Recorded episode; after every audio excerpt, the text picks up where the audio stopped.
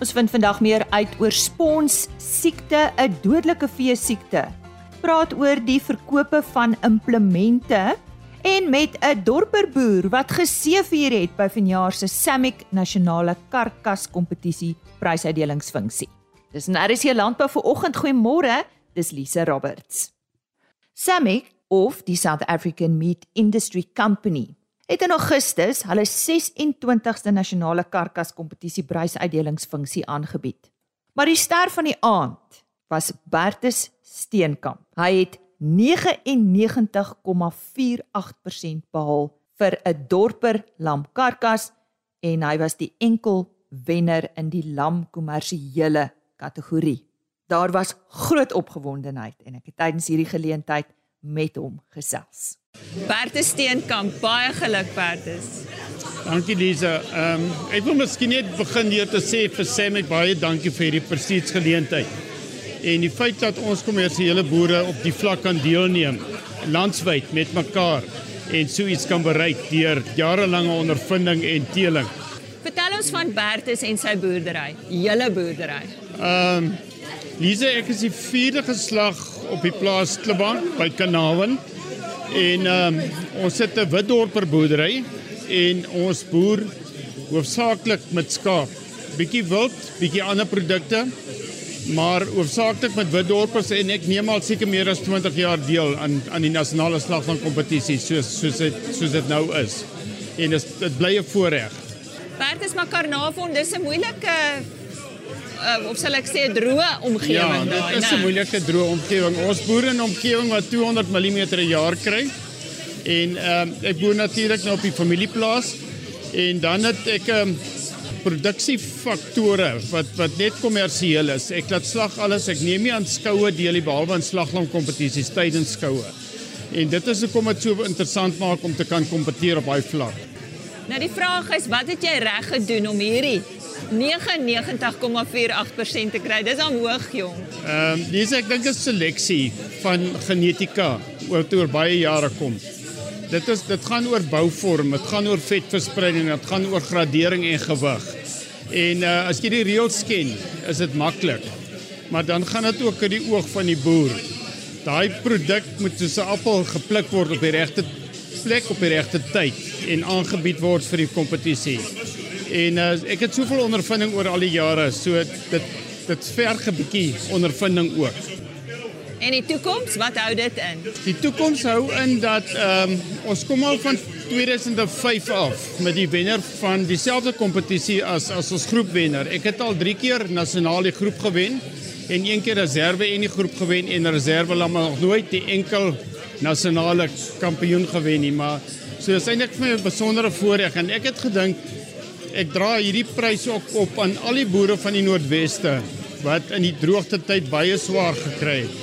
En ek dra aan elke een van die produsente wat lammers produseer vir die mark en en pro, kwaliteit lammers produseer vir die mark. Dra ek hierdie hierdie pryse op. Kan ek net afsluit deur te sê ek wil baie graag my seun Roo ook bedank vir die vir die werk wat hy in sy boer al 4 jaar sou met my en ek dink is tyd om die stokkie oor te gee aan hom. So volgende jaar staan hy hierso. Nou ja, daar is die uitdaging. Dis dis 'n uitdaging ja. En is uh, baie dankie. Ek ek is ek is baie trots op myself vir die prestasie wat ek bereik het. Maar baie dankie. Wel gedaan. Okay. So sê Bert Steenkamp, soos hy gesê het, hy's daar van Karnavon en hy hierdie jaar 99,48% bereik in die lamkarkas enkelwenner kategorie met wit dorpers. As jy nou eers ingeskakel het, goeiemôre. Jy luister na RSG Landbou. Baie welkom.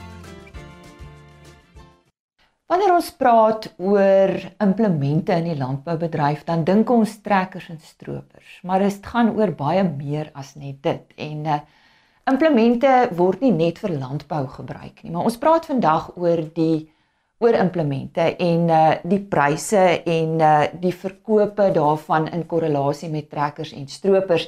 Ek verwelkom graag vir Karel Minnik van Lemken Ek het reg uitgespreek. Ja, ja baie. Daar sê baie welkom, baie welkom. Word die verkope van implemente gerapporteer soos trekkers en stroopers?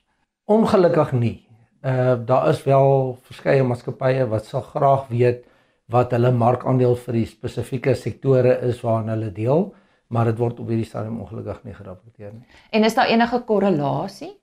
Ek sal sê ja, tussen die verkope van trekkers en implemente as uh, trekkerverkope hoofsaaklik opgaan, dan is daar 'n tendens dat jou implemente verkope ook styg. Ehm um, maar dit is nie 100% nie, maar daar is wel 'n korrelasie. Ek verneem jy is al baie jare in hierdie bedryf en jy ken 'n boer en hoe 'n boer dink en hoe 'n boer vooruit beplan. Dink jy um, dis belangrik dat boere vooruit beplan as dit kom by die aankoop van implemente? Ek dink verseker so. Ek dink uh veral na COVID en ek weet almal gee COVID die skuld vir alles, maar uh na COVID uit die aard van die saak het produksietye ook baie langer geword en uh dit is absoluut kardinaal belangrik dat boere moet vooruit beplan. Uh dit is nie net as gevolg van produksietye nie, maar as jy ook die variasies gaan kyk van masjinerie wat beskikbaar is vandag en hoe gespesialiseerd implemente geword het, dan is dit onmoontlik vir invoerders of verskaffers om net dood eenvoudig alles in voorraad te dra.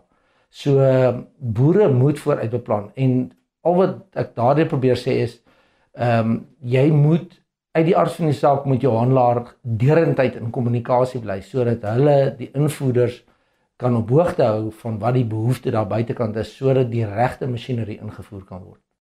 Jy het verwys na produksietye. Ehm um, wat is die tendens? Is dit besig om langer of korter te word? Soos ek reeds genoem het, COVID het 'n 'n groot negatiewe impak gehad en baie mense verstaan dit nie altyd lekker nie. En die groot probleme daarbey ingekom, ja, fabrieke kan nog steeds op kapasiteit funksioneer, maar daar's baie komponente wat nie deur die fabrieke self vervaardig word nie, soos byvoorbeeld hidroliese komponente in bande en sulke algemene tipe goed wat wat uh, in verskillende produkte gebruik word en daar verskillende tekorte ontstaan met daai klas van komponente. En as gevolg daarvan is masjiene klaar gebou, maar dan is die masjien onvolledig. En, en eh, so dan staan hierdie onvolledige masjiene by fabrieke en hulle kan nie afgelewer word nie. En dit het die produksietye baie langer laat word. Dit is wel besig om te verbeter. Ons sien dit ehm um, selfs aan ons kant dat dat produksietye kom af uh, maar dit is nog nie naby waar dit was voor Covid nie. Het 'n idee hoe lank gaan dit wees voor dit kan terugkeer na normaal? Dit is baie moeilik om te sê.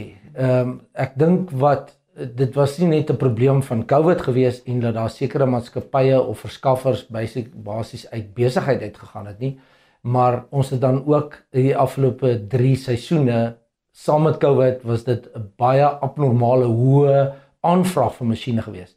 So dit was die hoë aanvraag en die tekort aan sekere komponente wat veroorsaak het. Maar ek dink dit sal stelselmatig sal hy dit uitfaseer en sal dan weer normaal terugkeer. As ons nou kyk na 'n trekker, ons weet almal dat 'n trekker moet iets sleep om die waarde van die trekker um, ten volle te benut. Hoe belangrik is die regte kombinasie tussen 'n trekker en die implement?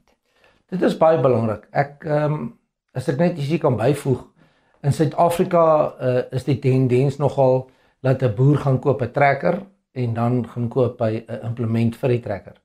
As jy gaan kyk hoe werk dit in Amerika byvoorbeeld, sal 'n boer 'n implement gaan soek om die werk te doen wat hy wil gedoen hê en sodra hy die regte of korrekte implement gekry het, dan sal hy die trekker gaan soek wat daai implement kan trek. Ek het al verskeie kere hier gevind dat 'n boer gaan koop sê net maar ehm um, en ek as ek 'n voorbeeld kan gebruik 'n 90 kW trekker en dan uh gaan soek hy 'n uh, implement 'n spesifieke implement wat hy wil trek en dan vind hy uit maar die kleinste implement vir daai doel het hy 120 kW nodig. Dan sit hy met 'n splinte nuwe trekker van 90 kW wat hy weer moet gaan inruil om 'n 120 kW trekker te gaan koop om daai implement te trek. So ek dink sulke klas van foute kan nie meer bekostig word nie. En dit is absoluut belangrik dat 'n boer moet besluit wat wil hy met die trekker doen en dan te gaan kyk na die implement en hoeveel kilowatt het hy nodig om daai implement te trek. En dit is ook al uh, absoluut belangrik dat hy 'n uh, spaar kilowatt het. So as die as die implement se behoefte sê net maar uh, 200 kilowatt is, is dit goed om sê 'n 220 kilowatt trekker te koop dat jy daai reservekrag oor het met jou met jou trekker. En dan het ons nog verskillende bewerkingspraktyke en boere besluit om van die een praktyk oor te gaan na die ander praktyk. Ja. Praat 'n bietjie met ons daaroor. Ek sou sê as jy kyk sê net maar na die afgelope 10 jaar uh en jy gaan kyk na tendense wat plaasgevind het die afgelope 10 jaar, sal ek sê seker een van die grootste tendense wat verander het in die landbou uh mark rakende bewerkingspraktyke was dit seker met die bekendstelling van kompakte diste of dan nou so sekere boere dit sal ken as hoëspoed diste. Ehm um, wat jou ou tradisionele diste vervang het. En ehm um, ja, as ek vat omtrent 10 jaar terug by Nampo was daar een of twee uitstallers gewees. As jy vandag gaan kyk is daar omtrent 24 25 uitstallers van kompakte diste uh by Nampo. En uh wat dit teweeggebring het uit die aard van die saak, jou grond word meer effektief bewerk en as jy gaan kyk na brandstofbesparing en vogbewaring, uh werk teen baie meer ekonomiese manier en uh in sekere gevalle kan jy tot selfs sekere bewerkings uitskakel as gevolg van hierdie hoë spoediste. En brandstof, as ons nou kyk, soos jy gesê daar's 'n groot fokus word op die besparing van brandstof geplaas. Um, uh, as dit kom by die besluite wat boere neem, is ek reg? Nee, definitief. Definitief. Uh, uh, uh, as jy gaan kyk ook na hoe ons brandstofpryse geeskaleer het oor hierdie afgelope klompe jare, het brandstof 'n uh, 'n uh, baie groot uitgawe geraak op plase. En dit is belangrik om die regte toerusting te gaan kies waar jy miskien op sekere plekke 'n uh, bewerkings kan uitskakel en of dan meer effektief kan werk. En sodoende kan jy brandstof bespaar en dan 'n groot uh uitgawe uh kan jy dan uh basies verminder deur deur net jou brandstof meer effektief aan te wend. Jy het nou wel vroeër gesê dat die boere um eers die trekker koop en dan die en dan dit wat wat hy graag wil gebruik. Ja. Maar ons het ons het vooruitstrewende boere. Ons het slim boere. Ons het van die beste boere in die wêreld. So en uh, maar jy weet as jy gaan kyk na selfs na sportmense, jy, jy kan die beste sportman wees in die wêreld, jy kan nog altyd verbeter. Ja. So ek ek dink uh een van die grootste uitdagings wat ons boere seker in hierdie land het is dat uh daar uh nie uh hulp kom van soos met uh subsidies en sulke klas van goed soos wat ons moet kompeteer teen ander lande in die wêreld waar boere groot subsidies kry nie. So uh en in daai geval weet ons dat ons dit seker van die beste boere in die wêreld. Maar ons probeer nog steeds van ons kant af kyk hoe kan ons hierdie boere assisteer? Hoe kan ons hulle raad gee om meer effektief te werk en om hulle winsgrense te verbeter? Wat sê jy hoe lyk vooruitsigte? Ek dink op hierdie stadium uh lyk vooruitsigte nog steeds goed. Uh ons weet dat van die kommoditeitspryse het 'n bietjie afgekom. Uh daar is wel vooruitsigte dat sekere ander kommoditeitspryse wel opgegaan het. Ehm um, maar op hierdie stadium lyk vooruitsigte nog steeds goed. Ek dink ons sit nog steeds met boere wat 'n redelike verouderde toerusting het en wat deurgangs besig is om daai verouderde toerusting te verander om meer effektief te kan boer. So op hierdie stadium lyk vooruitsigte nog steeds goed. Ten spyte van die droër jare wat nou weer op pad is. Ek dink die droër jare wat op pad is is 'n uitdaging vir almal maar as jy die regte toerusting aanwend uh en jy kan meer effektief boer en vogbewaring uh wat 'n baie hoë prioriteit geniet dan dan kan jy jou risiko verlaag. Karel baie dankie. Dit was uh, lekker met jou te gesels en dat jy ons kom inlig het oor ons implemente behalwe ons trekkers en ons stroopers in Suid-Afrika en hoe die boere dink en hoe hulle beplan. Baie dankie vir Dankie vir jou. Goed. Dankie. En uh, dit was dan Karel Minnik van Lemken wat vandag met ons gesels het hier in die ateljee.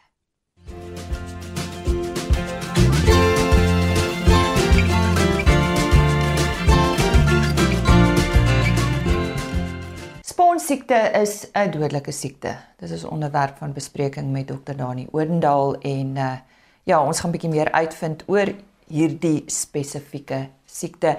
Dani, wat maak sponsiekte siekte so dodelike siekte? Ja, as ons daar's een groep van organismes, die Clostridiums. Die Clostridiums het verskillende siektes. Sponsiekte, dikkop sponsiekte, ons gaan 'n bietjie daaroor praat, lamsiekte en kwaadaardige edeem. Daar's verskriklike klomp organ uh siektes wat gevorm word deur uh, hierdie Clostridiums en is eintlik die gifstof wat hulle produseer. So hierdie organismes, almal van hulle produseer wanneer hulle verdeel 'n ander tipe van gifstof. En dis die gifstof wat onmiddellik in die liggaam opgeneem word. Jy sien 'n sekere hoeveelheid aantasting by die plek waar hy groei en vorm, gasvorming, bloeding in die spiere en daai tipe van goed, maar eintlik gaan dit oor die gifstof wat soos 'n onmiddellik opgeneem word. En wat maak dit dan as jy nou weer gaan kyk na immunologie? Hoekom is dit dan so dodelik? Die liggaam het geen kans om immuniteit daarteen op te bou nie. Jy weet ons praat altyd van natuurlike blootstelling teenoor inenting en dan die heel eerste beginsel is het die liggaam genoeg tyd om teen hierdie organisme immuniteit te ontwikkel of gaan die dier vrek wees voor immuniteit ontwikkel. Nou Clostridiums en spesifiek sponsiekte. As jy hom sien, is hy daai dag dood. Nie die volgende dag nie. Meeste boere, daar's boere wat 40 jaar al boer, wat nog nooit 'n dier gesien het wat aangetast is met sponsiekte nie. Hulle sien hom net dood lê. So so vinnig is hierdie siekte. En en en het 'n baie spesifieke ontwikkelingsproses net om af te sluit met die immunologie. So as ons vir 'n ding wil uh hê hy met immuniteit het teen hierdie siekte. Sal een belangrike ding en ons sal elke keer daarna toe terugkom. Die immuniteit teen daai siekte moet klaar sirkulerend wees in die vorm van teenliggaampies. Dit moet klaar op 'n hoë vlak wees. As die gifstof opgeneem word, Die teenliggaampies is teen die gifstof. Moet hy gifstof vasvang voor hy kan gaan bind en sy probleme veroorsaak. So dis 'n verskriklike akute vinnige siekte. Dit gebeur op enige plaas. Dis die ander uitsondering. Dis die siekte wat op enige plaas, die spore wat in die grond is, kan jare oorleef. So dit kom nie na die plaas toe nie. Dis klaar op die plaas. Daar's verskillende soorte. Kom ons net As ek begin met die soorte, net eers vinnig hoekom hierdie organisme in die liggaam in. Hy word ingeneem wanneer die diere gras eet en, en daar's altyd grond en stof waarmee saam. Wanneer die gras verskriklik kort is, kry hulle baie keer meer van hierdie spore in. As daar versteurings was, grond versteur was of na vloede, dan kom maar van daai spore oop. Dit gaan in die liggaam in en dit gaan lê in die groot spiere. Dis 'n ongelooflike ontwikkeling. Hy gaan lê daar in 'n rustende vorm. Hy doen niks nie. Hierdie organisme het 'n situasie nodig waar daar nie suurstof is nie vir hom om te ontkiem en dan te begin verdeel. So wat gebeur in hierdie diere wanneer hulle eendag gestamp word, sleg behandel word en daar's kneusings. Uh ons sien dit selfs in diere wat uitermate ver gejaag was en hy kry soos jy jou spiere seer word daarna. Dis mos anaerobies. Jy het nie so genoeg suurstof gehad nie, die melksuur bou op. Onder daai omstandighede maar veral wanneer daar groot kneusings is dan is daar nie vars suurstof nie. Dooie bloed. Daar ontwikkel hy. Nou begin hy verdeel. Die dit wat jy daar sien wat sy probleem is is is niks nie teenoor die gifstof wat hy opneem wat na die brein toe gaan na die longe en na die niere al die vitale organe aantas en en hulle vernietig so dikopsponsiekte is net 'n ander tipe Clostridium noviae tipe A Ons gewone sponsiekte is Clostridium shalviae. Clostridium novae tipe A. Ons het dit eintlik later eers begin besef dat in Suid-Afrika waar ons goed geënt het, sien ons nog steeds sponsiekte. En toe kom ons agter nee novae tipe A speel 'n groot rol. Die beperking is dat meeste van ons enstowwe het nie novae tipe A nie. Ons het altyd onderstepoortse enstof gebruik wat vir ramme vir dikkop geregistreer was in plase waar dit is maar in die nuwer generasie enstowwe is Novia I tipe A ingesluit en en boere moet altyd hulle veearts daaroor praat. Uh maar dit is nie so eenvoudige siekte nie. Kom dit onder alle vee voor? Veral in beeste, veral in jonger beeste, veral in hierdie goed gevoerde beeste. Hierdie groot vetgevoerde beeste is ons grootste ding. Diere oor 3 jaar het ons baie baie minder probleme. Uh ons sien wel nuwer tipe van gevalle. Deesdae sien ons dit lyk so sponsiekte en jy kan nie net aanvaar 'n sponsiekte nie. Jy moet die diagnostiese werk laat doen, die druksmere en selfs verder gaan om van die weefsel in te stuur vir kulture, want ons het nou 'n nuwe ding Pasteurella multocida wat vir ons 'n uh, uh, hemorragiese septisemie. Dis 'n verskriklike naam. Hemorragies beteken bloederige septisemie met hierdie swelling van die van die van die spiere veral in die nek en die borsgebied as jy hom afval is daar bloedings daar binne lyk net so sponsiekte, kan baie moeilik onderskei word. So as diere oornag vrek, is dit altyd 'n krisis. As diere oornag vrek en jy 'n goeie entingsprogram in plek, dan is dit nog 'n groter krisis. Want nou moet jy gaan uitvind wat het gebeur. Een ding wat ons moet verstaan van hierdie siekte is hy kan immuniteit oorkom. As die aanslag, as die hoeveelheid organismes so groot is en dit is meer en die toksien wat gevorm word is meer as wat die sirkulerende teenliggaampies is, dan kan hy nog steeds aangetast word. So daar is 'n beperking daar rondom en daar's verskille tussen diere. Daar's sekere diere wat ongelooflike goeie immuniteit ontwikkel en dan is daar individuele diere wat nooit goeie immuniteit ontwikkel nie. So dit is is 'n komplekse siekte. Elke plaas en hy moet voorkom word op elke plaas. Ja, hoe doen ons dit? So voorkoming in die geval is daar's geen jy kan nie op natuurlike blootstelling gaan nie. In hierdie geval is dit inenting. Uh dis een van die enstowwe wat ons ontwikkel het, ek weet nie of 80 of 100 jaar terug is al uh want dit was een van ons grootste beperkende faktore. So volwasse beeste gesê het is nie baie vatbaar. Hoekom ent ons dan volwasse beeste? Ons ent hulle eintlik om hulle uh sirkulerende teeliggaampies weer op 'n hoë vlak te kry dat dit deur beweeg na die biesmelk toe vir die kalf wanneer hy drink na geboorte dan so dis 'n standaard inenting wat ons doen breedspektrum clostridiums uh, wat ons lamsiekte deesdae ook insluit en selfs pastorella vir ons vir ons kalf so 6 tot 8 weke dat die biesmelk versterk kan word. Dit gaan die kalf beskerm vir die eerste 3 maande van sy lewe. Daarna moet ons die kalf begin net. Dis 'n dooie enstof, ons kon nog nooit 'n uh, enstof maak van 'n lewende organisme van die rede. Ons kon nie verswak teen kry nie. Ons moet hom groei, doodmaak saam met sy toksien. Dit beteken enige dooie enstof as ons hom eerste keer gee, het hy 'n bietjie van 'n reaksie, reaksie in die sin van immuniteit wat hy produseer of teenliggaam vlakkies. Sy tweede inenting, 'n maand of 6 weke later, gee vir jou 10 keer hoër effek. So in kalvers op 3 maande ent ons hulle en 'n maand of 'n maand en 'n half later weer. Dis standaard. Dis absoluut standaard.